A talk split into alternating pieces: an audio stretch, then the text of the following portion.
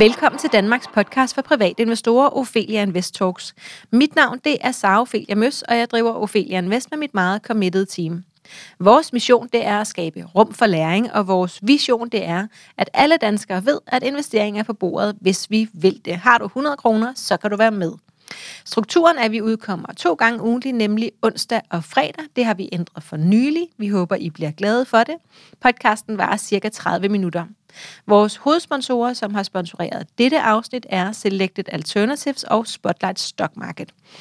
Dagens tema det er aktiemarkedets fremtidsudsigter, og jeg er sikker på, at det er noget af det, som I elsker at høre om.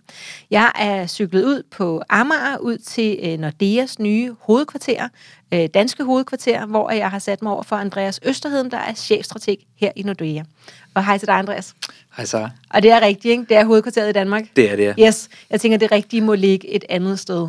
Ja, altså nu er vi jo en finsk bank lige pludselig. Ja, øh, eller lige lige pludselig, pludselig. det er noget tid siden. Men, men det har været en nordisk bank længe, ikke? Det har aldrig bare været dansk foretagende. Nej, altså vi har altid været, nu er vi så en filial af, banken i Finland. Ja. Øh, men, men ellers så har vi tidligere været forskellige juridiske øh, enheder i de forskellige lande, men det er så konsolideret her for en år siden. Så nu er I det danske, den danske afdeling af den finske bank Nordea. Lige præcis. Yes, hvordan føles det?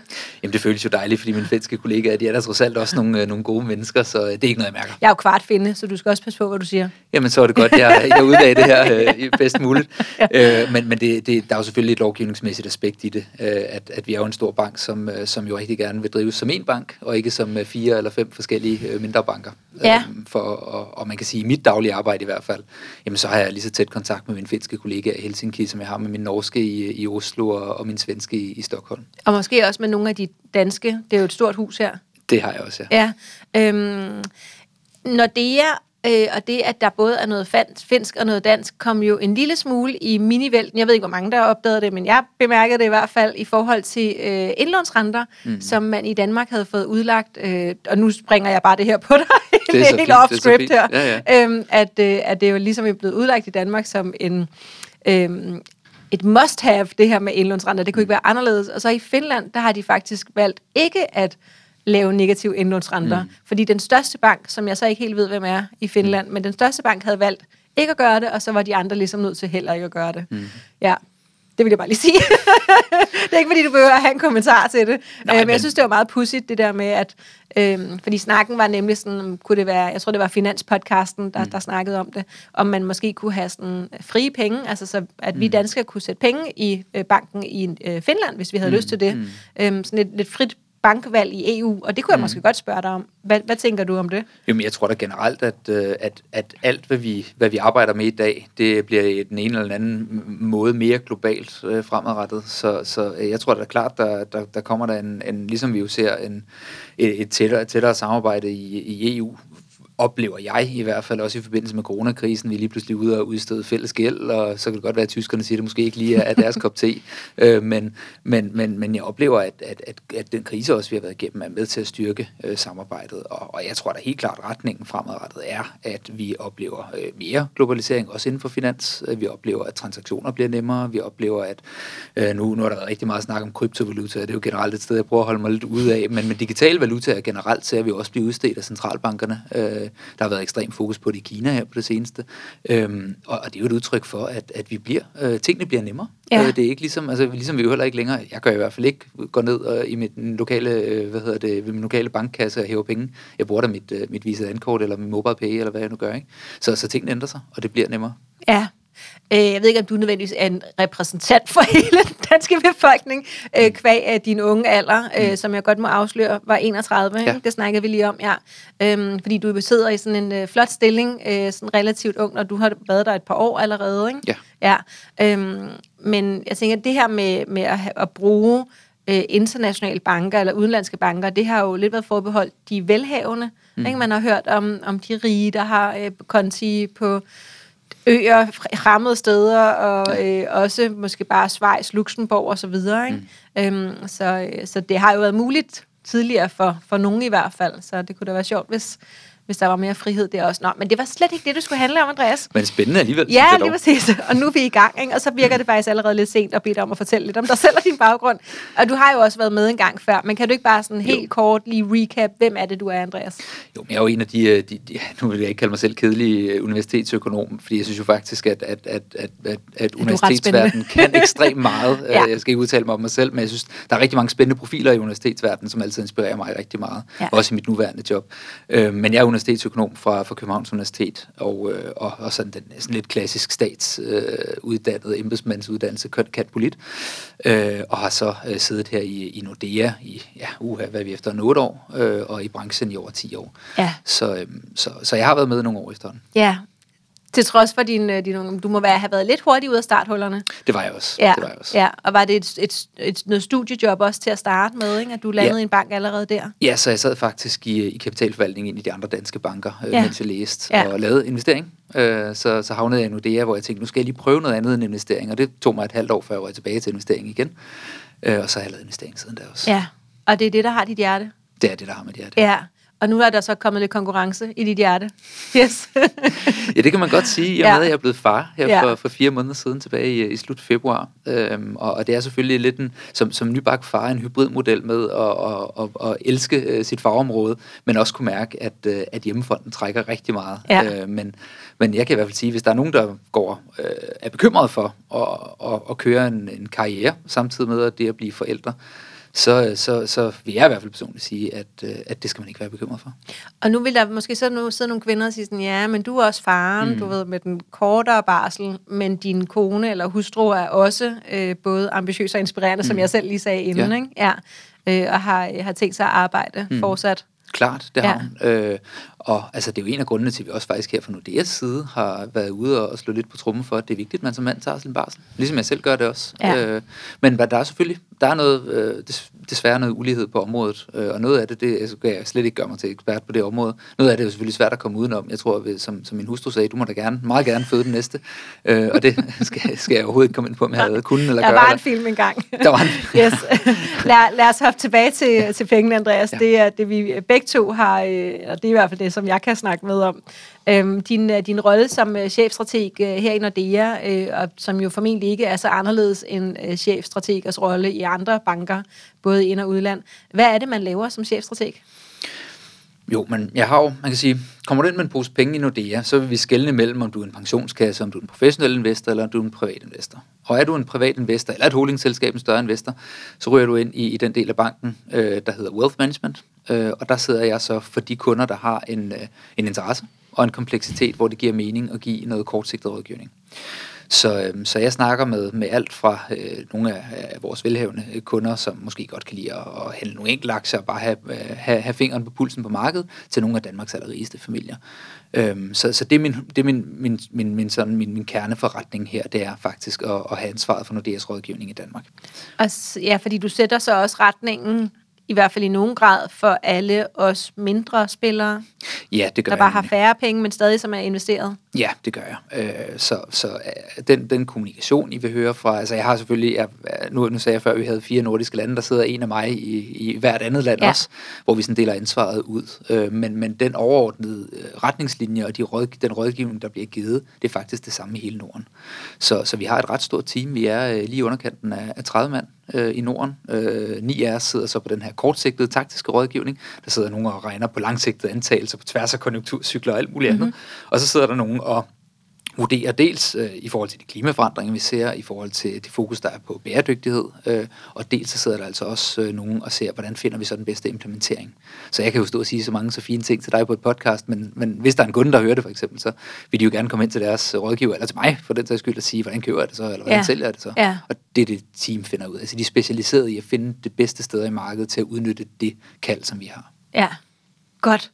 Øhm, og hvis vi så hopper op i helikopteren, hvordan ser, øh, ser aktiemarkedet ud i øjeblikket? Nu sidder vi her, det er juni 2021, der har været et, et, et år og lidt til med, med corona eller covid-19 over hele verden. Øhm, hvordan, hvordan, hvordan ligger landet? Eller verden? verden ligger jo, øh, øh, har man haft aktier hele året i hvert fald, så ligger man øh, pænt bedre, end man gjorde i starten af året. Vi har faktisk øh, på de globale indeks set øh, to-cifrede aktieafkast.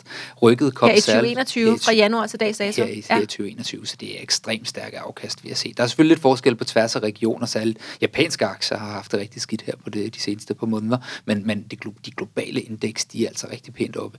Og øh, det ryg, det kom særligt i starten af året. Så har vi egentlig set sådan en, lad os kalde det, sidelandsbevægelse siden omkring midten af april, og i den her uge faktisk, der er vi begyndt igen at se, at der aktier har fået øh, noget luft under vingerne.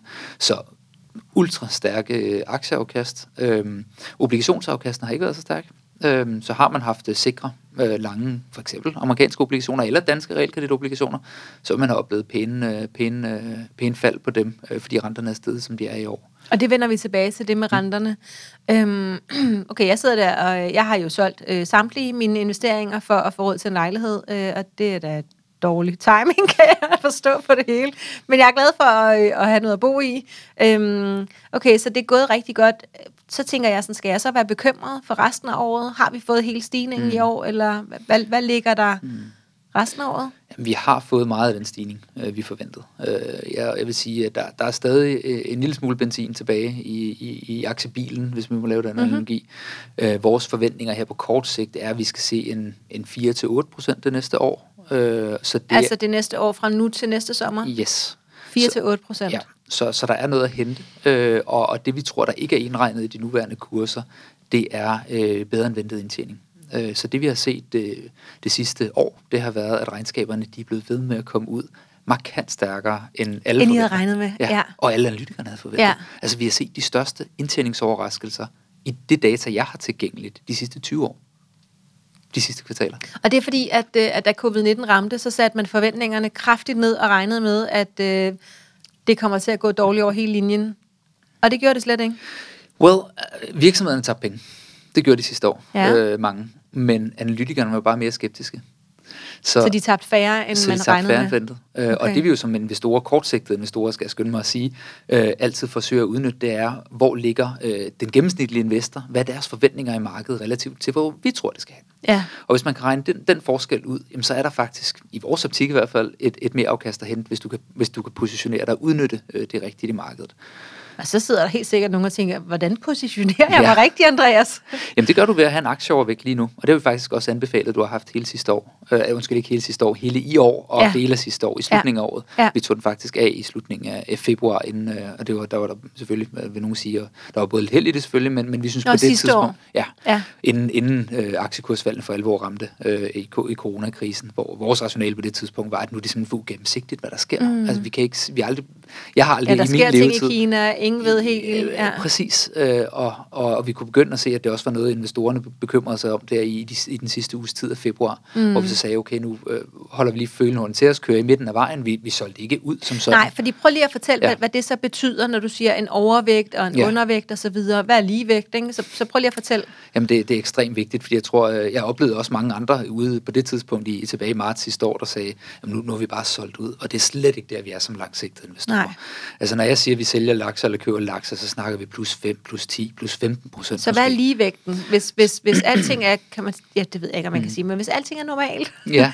hvad ligger vi så på? Jamen det, ho, hovedparten af vores kunder, de ligger i, i, i noget, der hedder en balanceret profil. Mm. Så det er 50 procent aktier, 50 procent obligationer. Okay, 50-50 ja, simpelthen. simpelthen. Okay. Og, og der, der er det ikke meget lidt aktier?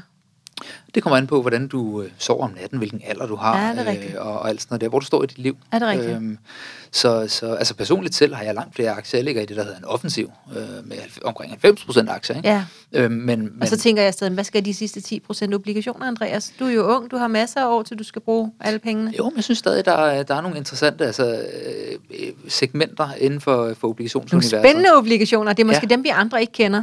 ja. De er i hvert fald ikke så nemme at komme i kontakt med som privat, øh, Nej, fordi, fordi du det, går ikke bare det, lige ud og køber dem. Det er øhm. statsobligationer og, og til nød realkreditobligationer, som vi ligesom har Øh, det er dem, der føles som om i hvert fald, at de er inden for rækkevidde. Ja. Hvad er det for nogle øh, øh, øh tør sige, eksotiske, sexede ja. øh, obligationer, som du snakker om? Sexet. Ja. Øh, jamen det er for eksempel statsobligationer fra andre lande end de udviklede lande. Så ja. det kan være øh, altså, de, øh, statsobligationer fra, fra Mellemøsten, det kan være statsobligationer fra øh, Latinamerika, det kan være statsobligationer fra mange steder i verden. Jeg kan godt lide at sige, det er typisk de her de, de famøse kendte feriedestinationer. Ikke? Øhm, og, og der er forskellen, at hvor du på en, øh, på, på en, øh, på en amerikansk statsobligation, hvor renten jo faktisk er kommet op for omkring 1,5 procent på en 10-årig statsobligation, så ligger renten her på omkring 5 procent i gennemsnit på de, den type obligationer.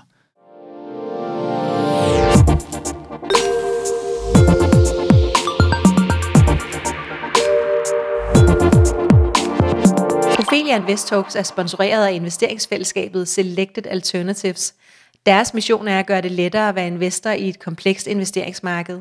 Med en investering hos Selected Alternatives får du adgang til stabile investeringer inden for ejendomme, bæredygtig energi og grøn omstilling. Investeringerne er fordelt på projekter i hele verden med fokus på stabilitet og klima. Ikke hver for sig, men samlet i én aktie. Investeringerne starter fra 750.000 kroner.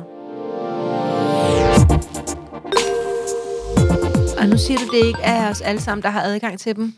Hvordan får man adgang til dem? Jamen, og det er faktisk også lidt en løgn, fordi du har adgang til dem, men du går, det, det er bare ikke så nemt at gå ud og købe enkelte obligationer øh, i det segment. Det kræver, nogle gange kræver det, at du har en lidt større... Øh, 350.000 for eksempel. For eksempel. Ja, øhm. fordi det synes jeg nemlig, jeg mødte første gang, at jeg ville ud og kigge obligationer inde på, og jeg havde ellers, øh, jeg havde researchet, jeg havde sådan et lille, øh, et af fire ark med de små, øh, hvad hedder det, altså kvadratisk, hvor jeg sad og skrev i alle de der små øh, firkanter der, mm. og havde virksomhedsobligationer og så videre øh, fra en ende af. Øhm, og så kom jeg ind på Nordnet og ville købe dem, og så stod der, at jeg skulle, have, jeg skulle handle for 50.000 euro ad gangen. Mm. Og så tænkte jeg, det er jo ikke. Ej, den, den kan godt være lidt hård for de fleste Så det bliver det ikke 10 procent i hvert fald. mig selv, skal jeg skulle ja, sige. Ja. Øh, nej, så, så den måde, vi tager eksponeringen i langt de fleste dele af tilfælde. Nu, nu sagde jeg også før, at nogle af for eksempel Danmarks rigeste familier, de har så nogle muligheder ja, for at bevæge sig rundt selvfølgelig, yes. som jeg ikke selv har, eller ja. i hvert fald. Øh, men, men ellers er det via fonde. Øh, okay. Øh, så man kan selvfølgelig selv kigge, nu siger jeg fonde, det er jo et begreb for både aktivt og passivt forvaltet. Ja. Øh, vi, vi benytter os i det, det univers. Aktivt, det der. Jamen i det univers kan vi ja. faktisk godt lide at have øh, hænderne på, på kogepladen. Ikke? Ja, øh, fordi, og så I kan agere hurtigt. Ja, øh, der, der er en anden likviditet i de markeder, som, som gør, at, at vi i hvert fald øh, godt kan lide, at det er, det er aktivt forvaltet fonde. Så det vil være statsobliga- fonde med statsobligationer fra eksotiske lande? Ja, det kan vi godt sige. Hvad, hed, hvad hedder de? Hedder de noget særligt? Øhm, ja, altså den, den type obligationer, vi plejer at investere i. Du kan både tage det, der hedder lokal valutaobligationer, men vi plejer at investere i dollarudstedelserne, så det er hårde, ja. hårde valutaobligationer.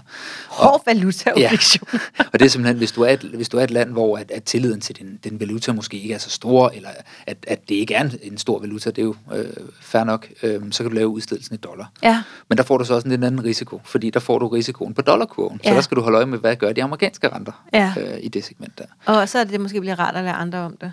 Nå, men øh, det, var, det, var, det var nok nok snakke om de øh, sexede obligationer, fordi vi har sindssygt meget, vi skal dække her, og vi har allerede brugt halvdelen af tiden, Andreas. Det suser afsted her. Øhm, det var lidt om, øh, om aktiemarkedet øh, før og nu, og senere øh, lidt om øh, lidt strategi, porteføljeopbygning, øh, overvægt, undervægt, Øh, vi skal lige have samlet op på, når du så siger undervægt, ikke? hvis vi ligger i en 50-50 normalt, mm. øhm, lidt afhængig af, hvem vi så ellers er, mm. og du så siger, nu overvægter vi aktierne. Ja. Nu skal man ligge med en overvægt. Hvad mm. er det så, det betyder? Jamen, så er det alt fra, at jeg har købt... Jeg har tre, tre trin, jeg kan arbejde med. Jeg har 5%, jeg har 10%, jeg har 15%. Okay. I forhold til det benchmark. Ja. Øh, og det er, det, det er i, i sådan en professionel investorverden faktisk et ret bredt mandat. Det kan måske ja. lyde ikke så meget, men, men det er det faktisk. Ja, og nu snakker du jo som chefstrateg, mm. ikke? at det er der, du har tre niveauer. Ja. Ikke? Yes. Ja. Ikke os som private. Vi Nej, har alle I kan jo i virkeligheden ja, gøre, hvad, hvad man har lyst til. Så, yes. så kan jeg stå og sige, hvad jeg vil. Ikke? Ja. Men, men, men det er så, jo så når du så går ud og siger, øh, nu skal vi have en, en, hedder det så en overvægt, og en kraftig overvægt, og en meget kraftig overvægt. Ja, altså jeg kan godt lide at prøve at kommunikere lidt rundt omkring det. Øh, ja. Selvfølgelig dem af vores kunder, der følger strategien tæt, øh, de vil kunne se det i materialet præcis, ja. altså hvor meget det er, men ellers ja. så plejer jeg at sige en lille overvægt, en, større overvægt osv. Og, og hvad så den øh, helt store? Ja, en gigantisk, nej. en, en, en, en, meget, en meget stor tro på aktier skal højere i hvert fald. Okay, øh, men, okay. men det er jo vigtigt her, at, at når vi allokerer øh, procenter, som vi nu snakker om, ja. så tænker vi det som risiko. Så vi tænker, ja. hvor, hvor risikable er aktier lige for tiden? Ja. Hvor, hvor høj er øh, volatiliteten, altså udsvingende på aktiemarkedet? Så hvilket bidrag får jeg som investor ved den aktieovervægt, jeg tager? Og der oplevede vi jo sidste år, hvor, hvor udsvingene i aktiemarkedet var rigtig, rigtig høje, øh, kursstigningerne var også i nogle perioder rigtig høje, mm. de var også øh, meget øh, faldende Ja, de- en de- periode, ja. øhm, så får du altså som investor ved at tage, lad os sige, 5% i ekstra i porteføljen, så får du et ret markant risikobidrag fra, fra aktier på kort Ja. sigt. Så, Så, så, i februar, Mm. mm. da I så sagde, nu skal vi undervægte aktier, var det så vi er 5, 10 neutralt eller- vægtet kun. Neutral. Så vi tog en overvægt af, ja. Okay, Så så, så I vi- havde en overvægt, og den fjernede I, så Ja. I lå på 50-50? Ja. Yes. Og når I så har haft en overvægt senere her, det sidste års tid, Ja, ikke? ja. Øhm, hvad har det så været? Det har været på øh, 5%. På 5 procent? Ja. Ikke mere? Ikke mere, nej. Nej, okay. Men det har selvfølgelig også givet noget, trods alt. Det har givet en balanceret profil, har det givet øh, med lidt overvægt i nogle af de her obligationer, jeg snakkede om før, og sådan noget, har det givet næsten en, øh, lige underkanten af en procent mere. Det lyder så heller ikke så imponerende, Andreas. 1 procent. Jo, men det er faktisk øh, i, et, altså, i et miljø, hvor at, at hvis jeg siger, at du, du på lang sigt som, som investor skal, skal forvente, og, altså, ikke, ikke meget mere i sådan en profil her, end, end måske en, en 4 procent. Okay, så har du fået 5 i Det stedet. er faktisk rigtig meget. Ja, okay. Øhm, Det er 25 procent oveni. Kan man sige på den, hvis, Ja. du, hvis du tør at lave den, ja. Og det tror jeg godt. øhm, så, så, så på den måde, så er det jo faktisk øh, nogle betydelige Ja. øh, Jeg hører, ting, vi du rykker med. Ja, jeg hører, hvad du siger. Lad os, øh, lad os hoppe videre. Øhm, hvad synes du, at øh, er relevant at holde øje med som privatinvestor lige nu? Det mest øh, relevante, eller det, som ja, man nok støder på øh, mest også i medierne lige nu, det er spørgsmålet om inflation. Ja, Øh, så hvor skal inflationen hen? Er inflationen et problem eller ej? Og der kan jeg jo godt lige, i stedet for at tage en lang snak om, vi kan altid snakke om, øh, hvor høj olieprisen skal, og hvad det så skal betyde. Altså inflation, det er jo bare vores økonomers måde at, at beregne en, en varekurv på. Så vi har taget, købt lidt ind i supermarkedet og sagt, hvad, hvad, hvad, sådan, hvad, hvad koster det at købe madvarer? Øh, stiger de priser eller falder de priser? Hvad, hvor stor en vægt er en typisk, i det her tilfælde danskers øh, indkøbskurv af benzin, er forskellige varer. Øhm, så, og, og de priser, de kommer til at stige kraftigt også i de kommende måneder. Øh, og det gør de altså fordi, blandt andet fordi, at vi oplevede ret kraftige olieprisfald sidste år. Der har vi omvendt set ret kraftige olieprisstigninger i år. Vi har en, nordsø, en tynd nordsøolie nu i, i, i sådan næsten omkring de her 75 dollar på en tynde. den var nede på 150. Den var, den var også længere nede. Vi havde faktisk perioder i april, hvor at den nu hopper jeg så over til, øh, til hvad hedder det, øh, til, øh, til USA på sådan en VTI-kontrakt. Det er jo sådan nogle, hvor man aftaler, at nu kan jeg få leveret en tynd olie i fremtiden. Ja. De var nede i negativ i april. De var nede i, I intradag minus? i minus 40 dollar næsten. Så fra minus 40 dollar til plus 75. Ja, hvis man ellers skal, det er så to typer. forskellige Ja. kontrakter. Nordsøolien var ikke helt dernede. Øhm, men det er bare for at sige, at der har været gevaldige udsving i olieprisen på forskellige tidspunkter sidste år. Så det, at vi måler i sådan en varekurve her, måler øh, prisudviklingen, det gør bare, at så skal vi se højere inflation i år. Og det er vi alle sammen enige om. Øh, men så er der bare, så, så er debatten, hvor længe kommer det til at vare, og hvad er det, øh, og hvad vil det betyde for, og nu bevæger vi os så lidt ud, men, men hvad betyder det for centralbankernes reaktionsfunktion? Ja, nu bliver det lidt langhåret, Andreas. Så Ja, det nu må lige få mig med her. hvad, hvad hedder det, fordi centralbankerne, øh, det er i virkeligheden øh, dem, der styrer gaspedalen på økonomien. Ja. Øh, de forsøger i perioder, hvor det går øh, rigtig godt, forsøger man at, at slippe speederen og måske træde lidt på bremsen. Mm-hmm. Og, øh, og i perioder, hvor det går skidt, der, der prøver man at træde på speederen for Rigtig godt billede. Jeg ser dem for mig. Kæmpe stor firkantet bygning, der sidder inde i, træder på speederen. Og, og en af de ting, de holder øje med, øh, de centralbanker, det er altså inflationen. Fordi Ja. noget, man er bange for, det er, at inflationen, at vi ser prisstigningstakster, som nogen kan måske huske dem for, for Weimar-republiken, eller de færreste, der kan huske det. Måske har man læst om det i, i, i historiebøgerne, at, at vi er tilbage i, øh, i, øh, hvad hedder det, i, øh, i, i 20'erne efter Første Verdenskrig oplevede inflationsstigninger eller prisstigninger øh, på, på, på hvad hedder det, tocifrede vækstrater om måneden, vel og mærket. Øhm, og det er et scenarie, hvor det som, som forbruger og som virksomhed, og generelt, nu kan vi godt lige kalde det agenter inden for økonomi, men generelt agent i økonomien, er utrolig svært at planlægge. Fordi hvis du får en løn, hvis, hvis priserne stiger med, med 20% eller 50% på en dag eller på en måned, det kan jeg ikke operere med, nej. nej. så skal jeg jo ligesom man netop så, Ja. jeg ved ikke, om der er nogen af de lyttere, der har set de billeder. Hvis man googler det, så kommer der også nogle billeder op af folk med trillebøger og, og, og pengesedler. Mm. Fordi man var jo nødt til at, at få lønnen udbetalt på samme dag, og så rulle ned i kiosk med det samme, for Ja, at nå at købe noget. noget for den løn. Ja. Øh, og det er jo det ekstreme eksempel. Det er overhovedet ikke der, vi er. De sidste 10 år har vi haft inflation, en inflationstaks på øh, mellem 0,1 til 2 procent. Så hvad skal jeg være bange for? Jamen det, øh, der er risiko, ja, det, der er risikoen i det her, det vi alle sammen diskuterer, og vi, vi, vi må sige, at vi går ydmygt til det, fordi vi ved jo, det er, det er et sted, man så prognosemager i hvert fald skal have en vis ydmyghed omkring at forudse, tror jeg. Øhm, men det er, at vi kigger på, okay, nu, lige nu, så ser vi ret kraftige prisstigninger i USA, der ligger de på omkring 5% på de sidste målinger i forhold til øh, Altså, hvor meget øh, af tingene er steget i pris? på et år.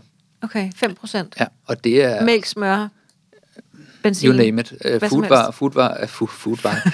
Mad, madvarer, fødevarepriserne stiger også kraftigt, Ja. øh, benzinpriserne stiger kraftigt, Mhm. mm-hmm. og det, og, og, og, det- men, men det Benzin der, er vi bare ligesom vant til, ikke? Altså, det ved man godt, hvis man har bil, så er det sådan, åh, hvad står der nu på tavlen i dag, versus, hvad stod der sidste uge? Ej, nu er det blevet dyrere, eller nu er det blevet billigere, Ja. ikke? Men vi er jo ikke vant til, at fødevarepriserne nødvendigvis skal stige så markant, så Nej. hurtigt. Og det tror jeg da også er noget, vi som danske forbrugere kommer til at mærke i andet halvår. Okay. Øh, der er flere steder også i, i udviklingslandene, hvor at, at det er jo typisk noget, Nu skal vi... I ikke ud og hamstre. Nej, nej, pas på, ja, der skal nok være noget rigeligt til alle. Øhm, ellers må man lave sin egen køkkenhave. Det er der så mange, der gør også i, i Ja, det er meget populært.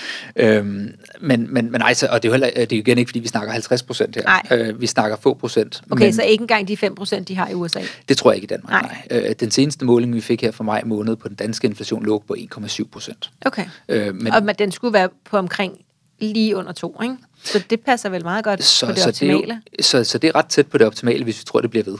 Øhm, mm. Og det er jo så det, der er spørgsmålet. Fordi Ja. det er jo klart, og nu, nu bliver det igen med, jeg synes, det, det er et skide hammerende interessant emne det her, fordi der er jo mange årsager til, at vi ser de prisstigninger, vi gør lige nu. Vi ser det faktisk ikke bare, både- ikke bare på madvarer, vi ser det også på mikrochips, vi ser det på biler, øh, vi ser det særligt lige nu på brugte biler i USA. Og med mikrochips, så mener du semiconductors, ikke? De der Det, det er Ja, semiconductors, for eksempel, ja. Bare ja så der ikke er nogen, der Halvledere på dansk, tror jeg.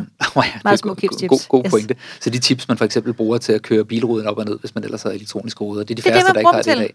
Det kan være en ting. Lave øh, te, de Det er første gang, jeg nogensinde har hørt nogen fortælle, hvad det er, man egentlig bruger dem til. Jeg har Nå, investeret meget i dem, fordi at de, øh, de steg ja. Ja. meget der i 17, så det var Okay. dejligt. Ja. Jamen, det er for eksempel sådan noget, vi bruger dem til. Okay. Øh, der er jo selvfølgelig afhængig af, hvor komplekse de skal være. Det er særligt Ja, ja. den chipmangel, vi ser lige nu. Det er særligt Andreas, det, ja. Der er så mange ting, der er meget spændende. Jeg skal, jeg skal lige høre, øh, vi er nødt til at afslutte inflationssnakken, mm. men kan du ikke fortælle mig som privatinvestor, hvordan kan jeg mærke på mine investeringer, eller mm. hvad, det er, hvad skal jeg gøre i forhold til, at der potentielt er stigende inflation i Danmark? Jamen, du skal egentlig have fokus på, hvis du har en, en, en opsparing, som, og nu siger jeg opsparing bevidst, fordi der, her mener jeg ikke det, du skal bruge i morgen nede i købmanden, eller det, du regner med at bruge næste år. Har du penge i banken, du ikke regner med at skulle bruge ja. inden for den næste årrække, Ja. så have fokus på at få dem til at vokse. Øhm, og det kan, der, der er en måde Så at gøre ikke det for på. stor en buffer. Ikke for stor en buffer. Og det er jo altid hammerende svært, i hvert fald på Ja. et podcast, til at sige, hvad så er det rigtige for dig. Ja. Øh, og, og, og det er den snak, man, man kan tage med sin rådgiver eller mærke, ja. eller prøve at lave nogle scenarier på. Ja. Øh, hvad, hvad, hvad, Hvad kan jeg potentielt skulle bruge, hvis jeg øh, mister mit job, eller bilen går kaput, eller vi gerne vil på ekstra ferie, eller et eller andet? Ja, og ved at lave et nyt tag, og, Ja. altså, så, og så er det over i en anden kategori igen, ikke? så prøv at planlægge, og jeg ved godt, det kan være hammerende svært at planlægge de næste 10 år frem, men, men det er de færreste ting, lad os sige, et, et, et, øh, et nyt tag, man ikke har set komme inden Ja. for en årrække. Ja. Øhm, men, men jeg har man noget opsparing, man ikke skal bruge. Investere Kig mod investeringsmarkederne, eller bruge dem. eller brug dem. Ja. Ja. Hvis de bliver stående, bliver de mindre værd. Det gør og der de. kan vi lige komme med tallene. Hvis du har 100.000 stående i 10 år til en øh, inflation, eller øh, ja, inflation på 1,8, så er det 18.000 kroner i købekraft, du mister på 10 år. Af penge, som man har arbejdet hårdt for og betalt skat af. Er det rigtigt? Det, det er i hvert fald det, det jeg vil tage med. Det er et rigtigt regnestykke. Ja, Yes. det er det rigtige, regnestykke at lave. Øh, og der vil Godt. jeg sige, der er vores øh, forventning også, at vi skal se højere inflation i Danmark, end det vi har set de sidste øh, omkring 10 år.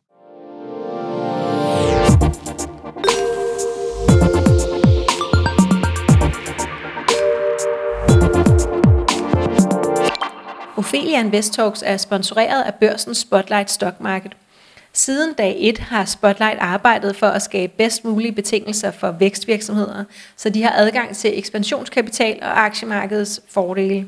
Spotlight-børsen arbejder på at skabe mere synlighed om de selskaber, der er noteret på Spotlight, og mener, at jo lettere og sikrere det er for virksomhederne at blive og være børsnoteret, desto lettere og sikrere bliver det også for os investorer at være investor i selskaberne. Og lige nu siger du, den er på 1,7, så det vil sige, at Ja. det er 17.000, hvis den bliver nu øh, på 10 år, ikke ud af 100.000. Og hvis den stiger til 2,5, så, så er det mere. 25.000. det er, så, så bliver det markant mere. Ikke? Ja. Øh, og det man som Er det investor, realistisk? Nej, det er for meget. Det Okay, tror jeg ikke. Jeg tror, vi skal okay. lande på et leje i de kommende år på omkring halvanden. Men det er stadig Okay. mere end det, vi har set de sidste 10 år. Ja. Så, så, det- men, men der, hvor det bliver relevant, hvis du selv investerer i en opsparing i virkeligheden, det er, øh, at øh, det vil noget, være noget, der kommer til at sætte sig i renterne. Øh, så står man og skal vælge mellem aktier og obligationer, Ja. så er, det, så er det valg i den sammenligning for et mere afkastperspektiv øh, der vil jeg kigge lidt mere over i aktier. Og det er også det, jeg gør i vores portefølje for tiden. Okay. Fordi jeg forventer, at at de stigende, den stigende inflation, den stigende økonom, når økonomierne, de, øh, den økonomiske cyklus modnes, når vi kommer lidt længere hen på året, så tror jeg egentlig, at renterne skal videre op. Og det, det, og det gælder også de danske Så er det værdien af obligationerne falder, Så falder værdien af obligationerne. fordi de øh, er negativt korreleret. Ja, Perfekt. Det er det, jeg underviser så det er godt, at det er rigtigt, det jeg siger derude. Øhm, godt. Vi skal, vi skal lige have lidt mere af det, øh, af, af det vi rigtig godt kan lide, øh, eller det, som jeg ved, at dig, der lytter med, rigtig godt kan lide. Øh, hvilke aktivklasser synes du er særlig relevante lige nu? Øh, vi, har, altså, vi har faktisk lige reduceret vores øh, eksponering til nogle af de her, øh, lad os kalde dem eksotiske obligationer. Ja. Øh, og det har vi, fordi at, øh, at vi tror egentlig, at de rentestigninger, vi forudser, kommer til at ramme særligt hårdt i de områder der. Øh, fordi at, at det er et sted, hvor, som jeg sagde før, så, så skal man holde øje med de amerikanske renter, når man investerer i nogle af de her lande. Og i og med, at vi forventer, at de skal højere, øh, og i og med, at vi forventer, at, at investorerne også, fordi at, at vi har fået et kanongodt afkast på de her obligationer, også vil begynde at kigge andre steder hen. De tager Øh, lidt øh, overkrydderne af. Ja, og særligt i et scenarie, hvor centralbankerne, tror vi i hvert fald, og det kan vi, jeg, jeg kunne snakke længere om det her, men tror, at centralbankerne faktisk skal til så småt og fjerne foden fra speederen. Okay. Så i de lommer af, af, af markedet, det er nogle af dem, der historisk er, er korreleret med, med den type opstramninger. Okay.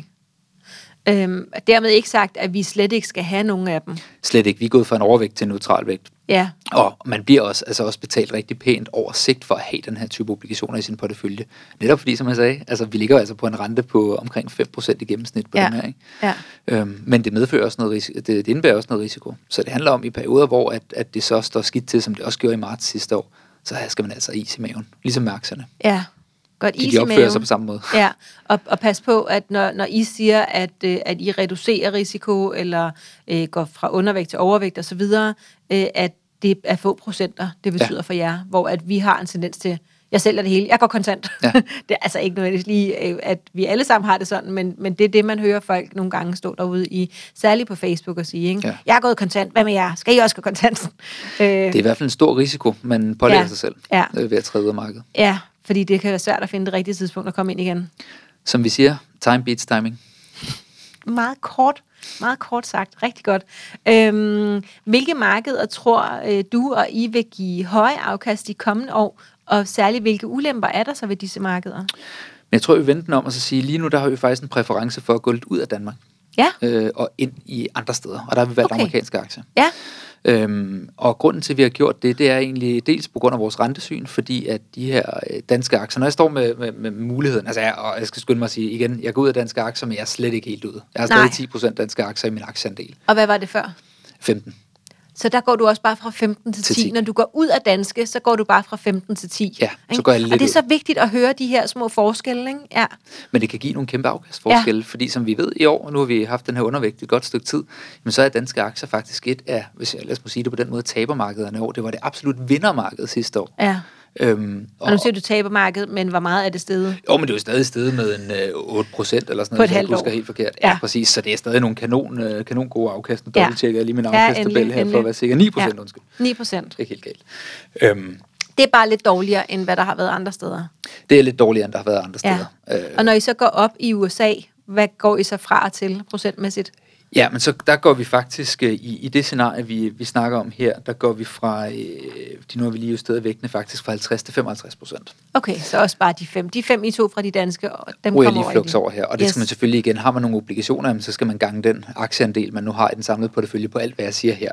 Øh, så, så har du, øh, Ah, ja. yes, så hvis man ligesom dig har 90% aktier, altså dig privat, ja. og så 10% obligationer, ja. så er det selvfølgelig nogle andre tal. ja, præcis. Ja. Så nu snakker jeg, hvis du kun havde 100 procent aktier, så er det her procenterne, vi snakker, ikke? Ja. Okay. Ja, eller kun, hvis du havde 100 Ja, så det er 100% af de aktier, man har i porteføljen. Ja, lige præcis. Ja, okay. Præcis.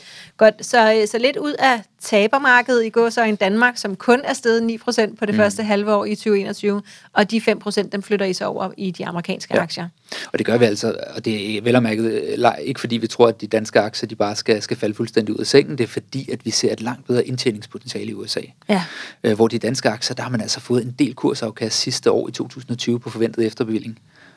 Og, og, og når vi så står og kigger på en verden, verdensøkonomi, som er i klar genopretning, særligt i den udviklede del af verden, hvor vaccinationerne skrider bedre frem, hvor vi ser, at virksomhedernes indtjening den i den grad følger med, fordi man har været i stand til at skære omkostningerne markant i løbet af krisen, øh, og samtidig med, at omsætningen så eksploderer, når vi genåbner økonomien, og så har man fået meget hjælp. og så har man ikke? fået Tænker jeg i hjælpepakker. forhold til mange altså lande, øh, hvor der er mindre hjælp at hente fra det offentlige. Altså, da vi stod i marts måned, der kunne vi jo kun gisne om, hvor mange konkurser, der ville komme det næste år. Øh, og der lå alles, kan jeg sige, uden sammenligning, øh, forventninger alt, alt, alt for højt. Fordi de hjælpepakker har gjort, at konkurserne havde været lavere. Der er selvfølgelig nogen stadig, der er gået konkurs. Men, og der har måske endda været lavere, end der ville have været på et øh, ikke-corona-år. Øh, fordi at, at alle dem, der naturligt ville gå konkurs, bare altså sådan helt, øh, helt standard, at x procent går konkurs ikke, inden for en, en årrække, eller et eller to eller tre år. Det er der selvfølgelig et element af, og så er der jo selvfølgelig også det element, der hedder, at når vi snakker, øh, hvilke selskaber, der er blevet rigtig hårdt ramt her i krisen, så er det jo ikke de typiske selskaber, vi investerer i.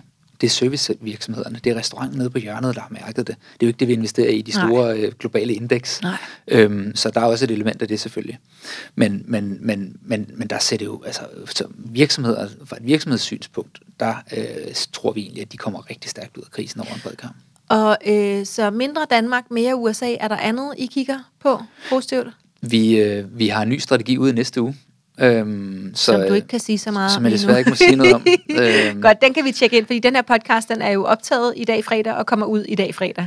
Så øh, det, Men det jeg er kan meget sige hurtigt. lidt faktisk, Yes, øh, hvad, fordi hvad vi har også sige? nogle sektorer, vi godt kan lide. Ja. Øh, og det har vi allerede i dag. Ja. Øh, så vi kan rigtig godt lide for eksempel finans lige nu. Ja, Der har vi taget, og øh, hold nu fast helt igen. objektivt siger finansvirksomheden, at I godt kan lide Præcis, finans. præcis. Yes. Og husk nu, det er jo både banker og forsikringsselskaber, og det er globalt, så det er jo alle vores konkurrenter i virkeligheden, man Okay. investerer i. øhm, men, men nej, hvad hedder det? Og og det er jo et spørgsmål om, at, at det er typisk en sektor, der har godt af den her økonomiske genopretning. Øhm, Det giver mening. og, og i øvrigt i finans, der ligger ikke kun banker, der ligger også forsikringer og alt Ja. ja. muligt andet, så det er jo en bred sektor. Ja. Øh, og når vi snakker procenter her, ud af en 100% aktieportefølje, så har vi købt 2% mere finans. Og hvad, hvad lå man så på før? Så lå man på, øh, altså i dag, der ligger vi på, nu skal jeg lige dobbelttjekke min, øh, min tal Endelig. her. Øhm, der lå man på globalt, lå man på, øh, på, på 14%. Nu ligger vi på 16. Så fra 14 til 16 procent Ja. på finans. Er andre sektorer, I er glade for? Ja, vi er faktisk også glade for råvaresektoren. Okay, Øh, og der er det samme, vi har også taget 2% mere af den. Øhm, så den gik fra... Den er gået fra øh, 5 til 7 procent. Og, øh, og det er jo alt fra mineselskaber til produktionsselskaber inden for, der er guld i 10, omkring 10 procent af vores indeks er guldminer. Øh, miner. øhm, og, og det er jo en, en tro på dels, at den økonomiske genopretning, som vi jo ser, og det jeg skal sige, det her bet tog vi på allerede på sidste sommer. Mm. Øh, og det er jo nok blandt dem, der har kørt allerbedst faktisk. Øh, vi tror stadig, det har, det har ben at gå på. Fordi at råvarer efterspørgselen i vores optik, i takt med nu så vi i går, at, øh, at Bidens infrastrukturpakke, i hvert fald en del af den er kommet igennem. Ja, det så vi alle sammen, Andreas. jeg, var, jeg var helt henrygt i hvert fald. Det er jo både investeringer i, i rent vand og bredbånd og, ja, og vejnet og alt det, muligt. Men det er så fint. Der er sikkert Øhm, nogen, der har set det. 1000 milliarder amerikanske ja. dollar inden for otte år. Ja. ja. øhm, men men, men at, at vi både ser kombinationen af, at virksomhedsinvesteringsaktiviteten ser ud til at stige. Virksomhederne har, har kontanter stående på sidelinjen for krisen her. Øh, vi ser tegn til, at der er offentlige investeringer på vej, både i Europa Europa og i USA. Øh, og så, så ser vi altså også øh, stadig frem til, at væksten kommer til at boome i år øh, i den særligt udviklede del af verden. Ja. Så med de tre faktorer, der, er det, der, der har vi i hvert fald svært ved at se, at råvarer efterspørgselen skal falde markant. Der er selvfølgelig nogle usikkerhedselementer, blandt andet det, at kineserne har været ude og sige, at nu har man synes, synes man godt nok, at prisstigningerne har været lige store nok, øh, så man måske er klar til at få solgt lidt ud af nogle af, nogle af sine reserver, eller hvad forsøger at undgå for store prisstigninger. Så der er jo selvfølgelig, der er aldrig en garanti for det her, men vi tror stadig, at pilen peger over bag os. Og er det, øh, vil du sige, at det er en, en fin måde at eksponere sig via øh, enten nogle øh, fonde, altså hvad hedder det, dansk forvaltet fonde, eller nogle internationale ETF'er? Absolut. Ja, Det er og så det bare lidt, lidt af det. Ja. Og så ikke bekymre sig alt for meget mere om det. Ja, og så- husk altså- igen, at det, altså finans, det var 14 til 16, og råvarer, det var 5 til 7. Så det er ikke fordi, at I lige køber 20 procent råvarer. Og det er ikke sådan, vi skal høre det. Nej, slet ikke. Godt. Øh, og, og man kan sige, altså afhængig af, nu er der måske nogen, der er kunder i andre, i andre banker, eller hvad, men, men er man kun her for eksempel, øh, så, så har vi også nogle analytikere, der siger, at vi har faktisk lige de her fem råvareaktier, vi bare synes er, er Ja, virkelig fede. ja. Så der er jo mange måder, man kan gøre det Ja, her på. ja, ja. Øhm, og godt, du siger det også, for selvfølgelig er der det. Øhm, jeg havde flere spørgsmål, men vi har også vi har brugt tiden, og vi har brugt lidt mere af tiden. så jeg håber, at dig derude, du er tålmodig med os. Fordi jeg har øh, særligt øh, to øh, korte spørgsmål. Korte, Andreas. Prøve. Korte svar. Øhm, tror I, at der er sandsynlighed for, at aktiemarkedet snart vil opleve en recession? Øh, det korte, nej. Det korte svar er nej. Godt. Øhm, øhm, Vil du uddybe en lille bitte smule? Hvis jeg må. se? Ja. Ja. Nej, men altså, vi står jo på, på tærsken af en ny øh, konjunkturcyklus. Øh, og, og, og det vi kommer Og det til betyder, at at det se, skal gå op. det betyder, at vi nu bevæger os ind i det, vi kalder en højkonjunktur. Øh, hvis, hvis man ja, øh, følger op det ad bakken. på. Op ad bakken. Op ad bakken. Øh, antallet af, af mennesker i job kommer til at stige. Lønningerne kommer til at følge med. Det, er- der er selvfølgelig flere penge i samfundet. Forbruget følger alt, alt det der. Øh, og det er tekstbogen. Så er der selvfølgelig alt det, der er anderledes den her gang. Ja. Og sagen er den, at vi tror da, at skiftet fra, det så vi allerede sidste år, skiftet fra nedtur til optur, følger jo, følger jo i takt med, at regeringerne genåbner eller lukker økonomierne. Ja, ja. Så det er helt anderledes den her Ja.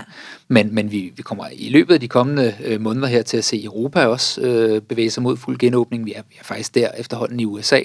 Øhm, der er lige, vi har nogle udfordringer med delta-varianten af, af, af, af hvad hedder det, den der, den der startede i Indien af af smitten her, som spreder sig rigtig kraftigt, som også gør, at man i Storbritannien netop øh, sidste uge annoncerede, at man nu bliver til at udskyde genåbninger og sådan noget. Så der er selvfølgelig der er altid noget i det her, Ja, vi kan diskutere. ja. Ikke? Men, men sagen er den, vi kommer til at stå i, i starten af et nyt opsving, når vi vil se næste år, så vil det modnes yderligere, øh, og det er typisk et sted, hvor det giver mening at have flere aktier i porteføljen end obligationer.